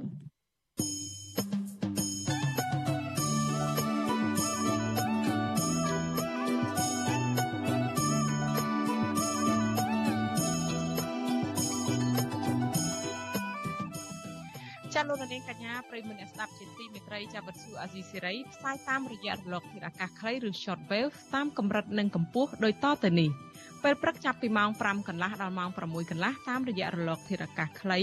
13715 kHz ស្មើនឹងកម្ពស់ 22m និងនៅពេលយប់ពីម៉ោង7កន្លះដល់ម៉ោង8កន្លះតាមរយៈរលកធាតុអាកាសខ្លី9960 kHz ស្មើនឹងកម្ពស់ 30m និង11200 11240 kHz ស្មើនឹងកម្ពស់ 25m ចាសសូមអរគុណ ចាលោកនាងកញ្ញាប្រិយមិត្តអ្នកស្ដាប់ជាទីមេត្រីតកតងទៅនឹងរឿងខាងសហរដ្ឋអាមេរិកឯនេះវិញបានបើកការិយាល័យរបស់ក្រសួងកសិកម្មដំបងនៅក្នុងប្រទេសកម្ពុជានៅក្នុងខែកញ្ញានេះដែលមានទីតាំងស្ថិតនៅក្នុងស្ថានទូតអាមេរិកប្រចាំនៅប្រទេសកម្ពុជាដើម្បីគាំទ្រវិស័យកសិកម្មនៃប្រទេសទាំងពីរ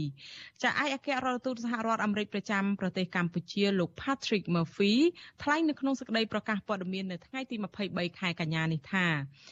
ចានៅក្នុងប្រទេសកម្ពុជាអតិថិជនចូលចិត្តផលិតផលនិងបច្ចេកវិទ្យាកសិកម្មរបស់អាមេរិកហើយការិយាល័យនេះនឹងជំរុញឲ្យអតិថិជននិងផលិតករអាចទទួលបានផលិតផលនិងបច្ចេកវិទ្យាទាំងនោះឲ្យបានកាន់តែច្រើនទីផ្សារកម្ពុជាកំពុងមានតម្រូវការទំនិញកសិកម្មអាមេរិកដែលមានតម្លៃទឹកប្រាក់ជិត 73លានដុល្លារនៅក្នុងឆ្នាំ2020ដែលចំនួននេះបានកើនឡើង47%នៅក្នុងរយៈពេល10ឆ្នាំកន្លងមកនេះ ចាការិយាល័យផ្នែកសេវាកម្មជាមួយបរទេសរបស់ក្រសួង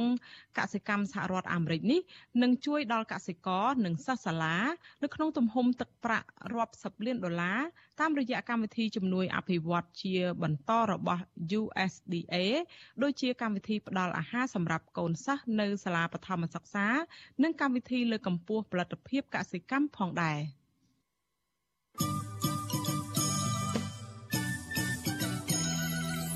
លោកនាងកញ្ញាប្រិមនស្ដាប់ជាទីមេត្រីចាងាកមកសក្តីរាយការណ៍តាក់ទងទៅនឹងពិធីភ្ជុំបិណ្ឌកាន់បិណ្ឌឯនេះវិញចានៅក្នុងថ្ងៃបុណ្យកាន់បិណ្ឌប្រពៃណីខ្មែរឆ្នាំនេះនៅតាមទីវត្តអារាមទូទាំងប្រទេសភាគច្រើនគឺមានសភាពស្ងប់ស្ងាត់ខុសពីឆ្នាំមុនមុនចានៅក្នុងរដូវកាន់បិណ្ឌរយៈពេល15ថ្ងៃនេះនៅតាមទីវត្តអារាមខ្លះមានពុទ្ធបរិស័ទធ្វើបុណ្យមិនគ្រប់វេននោះទេដោយសារតែពួកគាត់ព្រួយបារម្ភខ្លាចឆ្លងការរាលដាលនៃជំងឺ Covid-19 និងបញ្ហាខ្វះខាតជីវភាពនៅក្នុងក្រុមគ្រួសារចាប់ពីរដ្ឋធានី Washington អ្នកស្រីសុជីវីរាយការណ៍លម្អិតអំពីរឿងនេះនៅក្នុងថ្ងៃបុណ្យកាន់បិណ្ឌវេនទី2ឆ្នាំនេះក៏មិនខុសពីថ្ងៃដំបូងដែរនៅតាមវត្តអារាមមិនសូវមានប្រជាពលរដ្ឋនោះទេ ជាពិសេសនៅទីប្រជុំជន មានពុទ្ធបរិស័ទទៅធ្វើបុណ្យតិចតួចលើសពីនេះអ្នកដែលទៅធ្វើបុណ្យក៏មិនបានជួបជុំពិភាក្សាគ្នាដូចឆ្នាំមុនមុនដែរដោយពលរដ្ឋភៀកច្រើនទៅរាប់បាត និងដុតធូបឧទ្ទិសកុសលផលបុណ្យ ដល់បុព្វការីជនដែលបានចែកឋានហើយក៏នាំគ្នាត្រឡប់ទៅផ្ទះវិញព្រោះខ្លាចឆ្លងជំងឺ Covid-19 ប្រជាអធិការវត្តអង្គសត្ថានៅឯខេត្តកំពង់ស្ពឺប្រដេចប្រគុណរស់វាយមានថេរដីកាថានៅវត្តរបស់ព្រះអង្គមានពុទ្ធបរិស័ទទៅធ្វើបុណ្យនៅវេនទី2នេះមិនដល់50នាក់នោះទេគឺខុសពីឆ្នាំមុនមុនដែលមានមនុស្សច្រើនកុះកជារៀងរាល់ថ្ងៃបន្ថែមពីនេះចង្ហាន់ព្រះសង្ឃក៏មិនសូវសម្បូរហូរហៀដែរ ព្រះអង្គបន្តថាពុទ្ធបរិស័ទភាគច្រើនអុជធូបរាប់បាតឧទ្ទិសកុសលផលបុណ្យដល់ជីដូនជីតារួចហើយក៏ត្រឡប់ទៅផ្ទះវិញភ្លាមភ្លាមតែម្ដងខ្លះហ្នឹងក៏បាយដំណរហ្នឹងចាក់ទៅទៅចាក់វិញទៅហើយដល់ពេលទៅចាក់ឡើងក៏នៅទៅមកកាយហើយយ៉ាងទៅធម្មតាយ៉ាងទៅអឺឆាន់ពេលវិញពេលអីអត់អីទេគ្រូអត់មានអីទេ ប៉ុន្តែគ្រាន់តែចេះថាអត់វិញអត់អីទេវាមានការខ្វះខាតដែរណានៅក្នុងវត្តហ្នឹងវាអត់មានណាមកហ្នឹងដាំបាយអីខ្លួនឯងចឹងទៅចាប់ពីថ្ងៃកាន់បិណ្ឌវេនទី1មកប្រជាពលរដ្ឋភៀកច្រើននៅមិនទាន់បានទៅធ្វើបុណ្យនៅតាមទីវត្តអារាមនៅឡើយទេដោយពួកគាត់ខ្លាចឆ្លងជំងឺ Covid-19 និងមានជីវភាពខ្វះខាតផង ប្រជាសហគមន៍ដីធ្លីនៅភូមិលបពីងខេត្តកំពង់ឆ្នាំងលោកស្ងួនញឿនថ្លែងថាប្រជាពលរដ្ឋនៅក្នុងសហគមន៍របស់លោកមិនទាន់បានធ្វើបុណ្យកាន់បិណ្ឌនៅឡើយទេព្រោះឆ្នាំនេះពួកគាត់រកប្រាក់ចំណូលមិនបានដូចឆ្នាំមុនមុនឆ្នាំនេះគឺដោយសារតែយើងមិនមានតែប្រកាសដែលខ្ញុំខាងដែរថាគណៈកម្មការវត្តគេមកគ្រប់គ្រងគណៈកម្មការភូមិដែលពួកយើងធ្វើបន់រាល់ឆ្នាំហ្នឹងអញ្ចឹងពួកយើងឆ្នាំឆ្នាំនេះដូចមិនមានថាវិការណាសម្រាប់ទៅធ្វើបន់ដូចរាល់ឆ្នាំទេគឺអញ្ចឹងគឺ រាល់ឆ្នាំគឺយើងបានរៃអង្គាសប្រជាពលរដ្ឋដែលជាគណៈកម្មការភូមិហ្នឹងយកទៅដាក់បិណ្ឌនៅតាមវត្តផ្សេងផ្សេងនៅតាមទីវត្តអារាមនៅតំបន់ជាប់ព្រំដែនប្រទេសវៀតណាមក៏មិនសូវមានប្រជាពលរដ្ឋទៅធ្វើបុណ្យច្រើនដែរអាចារ្យវត្តជ័យឧត្តមឃុំទួលស្ដីស្រុកចន្ទ្រាខេត្តស្វាយរៀងលោកខំសេកប្រាប់ថានៅទីវត្តដែលលោកប្រចាំការមានពុទ្ធបរិស័ទប្រមាណ30នាក់នៅក្នុងមួយថ្ងៃយកចង្ហាន់ទៅប្រគេនព្រះសង្ឃ លោកបញ្ជាក់ថាគណៈកម្មការវត្តបានដាក់អាកុលនៅមុខច្រកចូលសម្រាប់ឲ្យប្រជាពលរដ្ឋលាងដៃណែនាំប្រជាពលរដ្ឋឲ្យរក្សាគម្លាតសុវត្ថិភាព និងចែកម៉ាស់ឲ្យពលរដ្ឋពាក់ការពារកុំឲ្យឆ្លងជំងឺ Covid-19 បាទវាសពឆ្នាំកាលនេះមិនទាន់វាស្ទុះជំងឺនេះមនុស្សច្រើនចឹងណាបើព្រឹកមកព្រឹកចាប់ពីបិណ្ឌទី1ចឹងទៅ50 60 100នាក់បញ្ហាទី1គឺគាត់គឺមានការកង្វះខាតចឹងដែរបងវាបញ្ហាជីវភាពរោងចក្រក៏មិនដំណើរការបានល្អវាទី50%ចឹងប្រជាពលរដ្ឋនៅក្នុងមូលដ្ឋានភូមិរបស់ខ្ញុំនេះមានការលំបាកតិចតួចបញ្ហាថវិកាចឹងទៅក៏គាត់មានការធ្វើបុណ្យក៏តិចតួចចិត្តដែរមិនបានទៅលំទលេដូចមុនទេ ជាមួយគ្នានេះនៅឯខេត្តសៀមរាបនិងនៅរាជធានីភ្នំពេញអាជ្ញាធរបានដាក់ពង្រាយកម្លាំងជាច្រើនអ្នកការពារនៅតាមទីវត្តអារាមដើម្បីទប់ស្កាត់មិនឲ្យប្រជាពលរដ្ឋប្រមូលផ្ដុំគ្នាតកតងនឹងបញ្ហានេះប្រធានលេខាធិការដ្ឋានគណៈសង្ឃនយោនិងជាព្រះមេគុណរាជធានីភ្នំពេញប្រដេចប្រគុណខឹមសន មានថេរដីកាថាមូលហេតុដែលអាជ្ញាធរដាក់ពង្រាយកងកម្លាំងដោយសារតែជាតំបន់បិទគប់ ដើម្បីទប់ស្កាត់ការរាតត្បាតជំងឺ Covid-19 ចំណែកការធ្វើបុណ្យនៅតាមទីវត្តអារាមទូទាំងប្រទេសវិញព្រះអង្គមានថេរដីកាថាចាប់ពីថ្ងៃកាន់បិណ្ឌវេនទី1មក មានសភាពស្ងប់ស្ងាត់ជាងឆ្នាំមុនមុនជាពិសេសក្នុងរាជធានីភ្នំពេញមិនសូវមានពុទ្ធបរិស័ទមកចូលរួមធ្វើបុណ្យនោះទេ ណែនាំហ្នឹងគឺថាធ្វើម៉េចយើងប្រុងប្រយ័ត្នទាំងអស់គ្នាកុំឲ្យជំងឺ Covid ហ្នឹងវារីករាលដាលទៅបន្តទៀតធ្វើម៉េចបបួលគ្នាទប់ស្កាត់ឲ្យបានព្រោះណាក្នុងកលៈទេសៈហ្នឹងបើស្នាជាយើងមិនចង់លំបាកជាងនឹងថែមទៀតទេមានតែយើងរួមគ្នាទប់ស្កាត់ឲ្យបានព្រោះហ្នឹងណាបើយើងមិនអាចទប់ស្កាត់បានទេនោះអ្វីដែលយើងលំបាកត្រាប់ហើយនោះយើងនឹងរឹតតែលំបាកតទៅទៀតព្រោះនៅក្នុងឱកាសបុណ្យកាន់បិណ្ឌនេះក្រសួងធម្មការនិងសាសនាបានចេញសេចក្តីណែនាំដល់គ្រប់វត្តអារាម ត្រូវអនុវត្តឲ្យបានខ្ជាប់ខ្ជួនតាមការណែនាំរបស់ក្រសួងសុខាភិបាល ដូចជាពាក់ម៉ាស់វាស់កម្ដៅរក្សាអនាម័យលាងដៃនឹងសាប៊ូឬអាល់កុលនិងរក្សាគម្លាតសុវត្ថិភាពដើម្បីបង្ការកុំឲ្យឆ្លងជំងឺ Covid-19 លោកនាយករដ្ឋមន្ត្រីហ៊ុនសែនប្រកាសតាមបណ្ដាញសង្គម Facebook របស់លោកនៅថ្ងៃទី23ខែកញ្ញាដោយបង្ហាញក្តីកង្វល់ថាពិធីបុណ្យនេះអាចនឹងមានការរាតត្បាតជំងឺ Covid-19 ផ្ទុះឡើងខ្លាំងនៅខាងមុខ លោកហ៊ុនសែនអះអាងថាពិធីបុណ្យកាន់បិណ្ឌរយៈពេល2ថ្ងៃមកនេះមានវត្តអារាមជាច្រើននៅរាជធានីភ្នំពេញនិងតាមខេត្តមានអ្នកឆ្លងជំងឺ Covid-19 លោកបញ្ជាឲ្យក្រសួងពាក់ព័ន្ធប្រញាប់ដោះស្រាយបញ្ហានេះជាបន្ទាន់ដើម្បីទប់ស្កាត់កុំឲ្យជំងឺរលាកផ្លូវដង្ហើមប្រភេទថ្មីនេះរាលដាលខ្លាំងនៅពេលខាងមុខពិធីកាន់បិណ្ឌនេះក្រៅពីមិនសូវមានប្រជាពលរដ្ឋទៅធ្វើបុណ្យទានហើយនៅតាមវត្តអារាមខ្លះ មិនមានពុទ្ធបរិស័ទធ្វើជាម្ចាស់វេនបុណ្យរាល់ថ្ងៃនោះទេទីប្រឹក្សាព្រះចៅអធិការវត្តភ្នំសំពៅស្រុកបាណន់ខេត្តបាត់ដំបងព្រះដេចប្រគុណអ៊ីវយុសឿនមានថេរដីកាថាវត្តរបស់ព្រះអង្គសោះក៏ក្រោះជាងឆ្នាំមុនមុនពលគឺมันមានពិធីបោះបាយបិណ្ឌនិងសូត្រធម៌បរាភវសូត្រនៅក្នុងព្រះវិហារឡើយជាងនេះទៅទៀតព្រះអង្គឲ្យដឹងថាទីវត្តរបស់ព្រះអង្គមានពុទ្ធបរិស័ទធ្វើជាម្ចាស់វេនកាន់បិណ្ឌនោះមានតែថ្ងៃដំបូងវេនទី2 វេនទី14និងវេនបុណ្យចុងក្រោយតែប៉ុណ្ណោះ បន្ទាប់ពីការកាន់វេនបិណ្ឌ2នេះបិណ្ឌវេនអាត្មានេះទៅវត្តស្ងាត់ញោមណាអត់មានពិធីកាន់វេនកាន់បិណ្ឌអីទេគឺស្ងាត់រហូត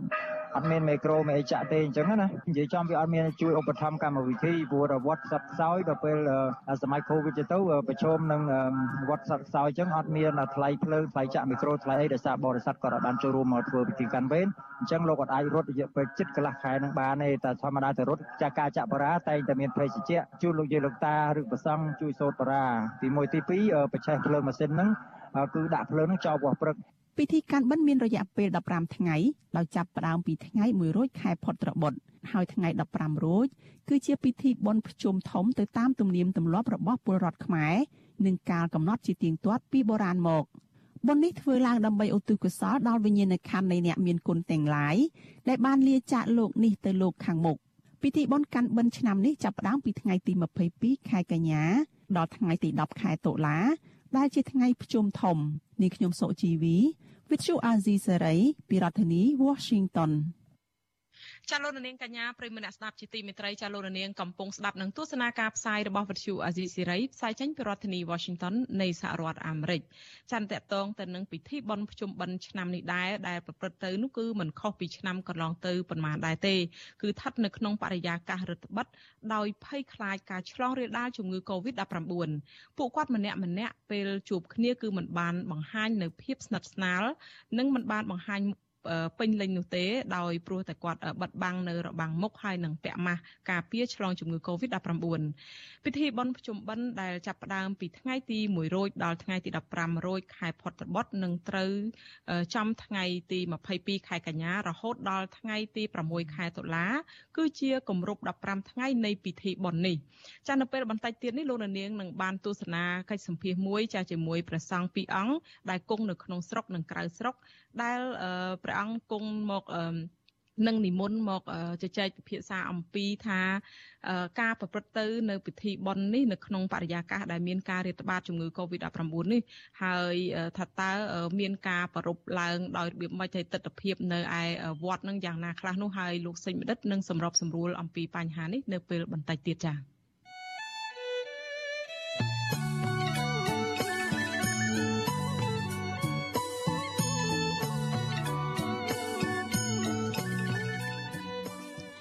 ចាលោកនាងកញ្ញាប្រិយមិត្តអ្នកស្ដាប់ជាទីមេត្រីចានៅក្នុងឱកាសនេះដែរចានាងខ្ញុំសូមថ្លែងអំណរគុណដល់លោកនាងកញ្ញាទាំងអស់ដែលតែងតែមានភក្ដីភាពចំពោះការផ្សាយរបស់យើង ហើយចាត់ទុកការស្ដាប់ពទ្យុអាស៊ីសេរីគឺជាផ្នែកមួយនៃសកម្មភាពប្រចាំថ្ងៃរបស់លោកនាងចាការគ្រប់គ្រងរបស់លោកនាងនេះហើយដែលធ្វើឲ្យយើងខ្ញុំមានទឹកចិត្តកាន់តែខ្លាំងថែមទៀតនៅក្នុងការស្វែងរកនិងផ្តល់ព័ត៌មានជូនលោកនាងចាមានអ្នកស្ដាប់អ្នកទស្សនាកាន់តែច្រើនកាន់តែធ្វើឲ្យយើងខ្ញុំមានភាពស្វាហាប់មោះមុតជាបន្តទៀត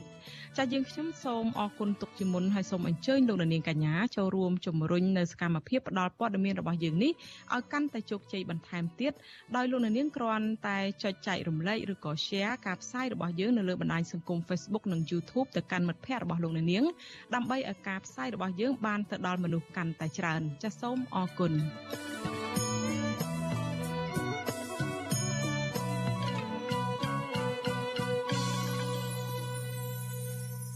ចាលោកនាងកញ្ញាប្រិមនស្ដាប់ជាទីមេត្រីចានៅថ្ងៃទី24ខែកញ្ញាស្អែកនេះគឺជាខួប28ឆ្នាំនៃការប្រកាសឲ្យប្រើរដ្ឋធម្មនុញ្ញកម្ពុជា ប្រសូតឡើងនៅក្នុងឆ្នាំ1993ចារដ្ឋធម្មនុញ្ញកម្ពុជាបច្ចុប្បន្នគឺជាច្បាប់កម្ពុជាល្អជាង និងទំនើបជាងរដ្ឋធម្មនុញ្ញចំនួន5នៃរបបមុន ល្អជាងរដ្ឋធម្មនុញ្ញមុនមុនគឺដោយសារតែរដ្ឋធម្មនុញ្ញមួយនេះមានមូលដ្ឋានគ្រឹះចេញពីកិច្ចព្រមព្រៀងសន្តិភាពទីក្រុងប៉ារីឆ្នាំ1991ដែលជាសន្ធិសញ្ញាអមតៈ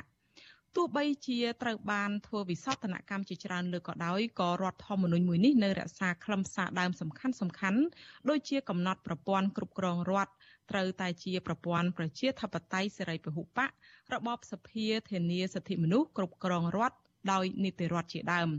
ទោះបីជាយ៉ាងណាកម្ពុជា ក្រោមសម័យសម្ដេចតេជោជាច្រើនអាណត្តិកន្លងមកនេះ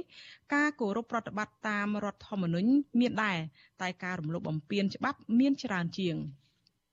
តើរដ្ឋធម្មនុញ្ញរងការបំពានបំពានបែបណាខ្លះនោះចាសសូមលោកនាងរងចាំស្ដាប់សេចក្តីរាយការណ៍នេះពុស្ដានៅព្រឹកស្អែកពីម៉ោង5កន្លះដល់ម៉ោង6កន្លះ ចាលោកនាងជាទីមេត្រីចាតកតងទៅនឹងខួប28ឆ្នាំនៃការបង្កើតរដ្ឋធម្មនុញ្ញនេះដែរយើងក៏នឹងមាននីតិវេទិកាអ្នកស្ដាប់ពទ្យុអាស៊ីសេរីមួយដែរនៅរាត្រីថ្ងៃសុក្រស្អែកនេះដែលនឹងជជែកថាតើរយៈពេល28ឆ្នាំមកនេះការគោរពនិងការលើកដំកើងរដ្ឋធម្មនុញ្ញរបស់មេដឹកនាំរដ្ឋបានដល់កម្រិតណាហើយតើប្រជាពលរដ្ឋបានទទួលការយល់ដឹងពីស្មារតីនៃរដ្ឋធម្មនុញ្ញនេះបែបណាខ្លះចាសសូមលោកនាងរងចាំ ទស្សនាកិច្ចពិភាក្សាអំពីរឿងនេះកុំបីខានចាស់ឲ្យប្រសិនជាលោកនាង មានជាសំណួរឬក៏មតិយោបល់មកកាន់ភ្ញៀវរបស់យើងនោះសូមលោកនាងដាក់លេខទូរស័ព្ទរបស់លោកអ្នកនៅក្នុងប្រអប់សារ Messenger នៅក្នុងពេលកំពុងផ្សាយ Facebook របស់អាស៊ីសេរីនេះឬក៏នៅក្នុងខ្ទង់ comment Facebook អាស៊ីសេរីឬក៏ YouTube ដែលកំពុងផ្សាយផ្ទាល់នេះក្រុមការងាររបស់យើងនឹងស្រង់លេខទូរស័ព្ទរបស់លោកនាងហើយហៅត្រឡប់ទៅលោកនាងវិញចាសសូមអរគុណ ចាលោកនាងកញ្ញាប្រិយមិត្តស្ដាប់ជាទីមេត្រីចឹងសម្រាប់លោកនាងដែលកំពុងតែស្ដាប់ការផ្សាយរបស់យើងតាមរយៈរលក ធាតុអាកាសខ្លីឬក៏ shortwave លោកនាងនឹងមិនលឺការផ្សាយរបស់យើងទៀតទេប៉ុន្តែលោកអ្នកដែលកំពុងតែទស្សនាការផ្សាយរបស់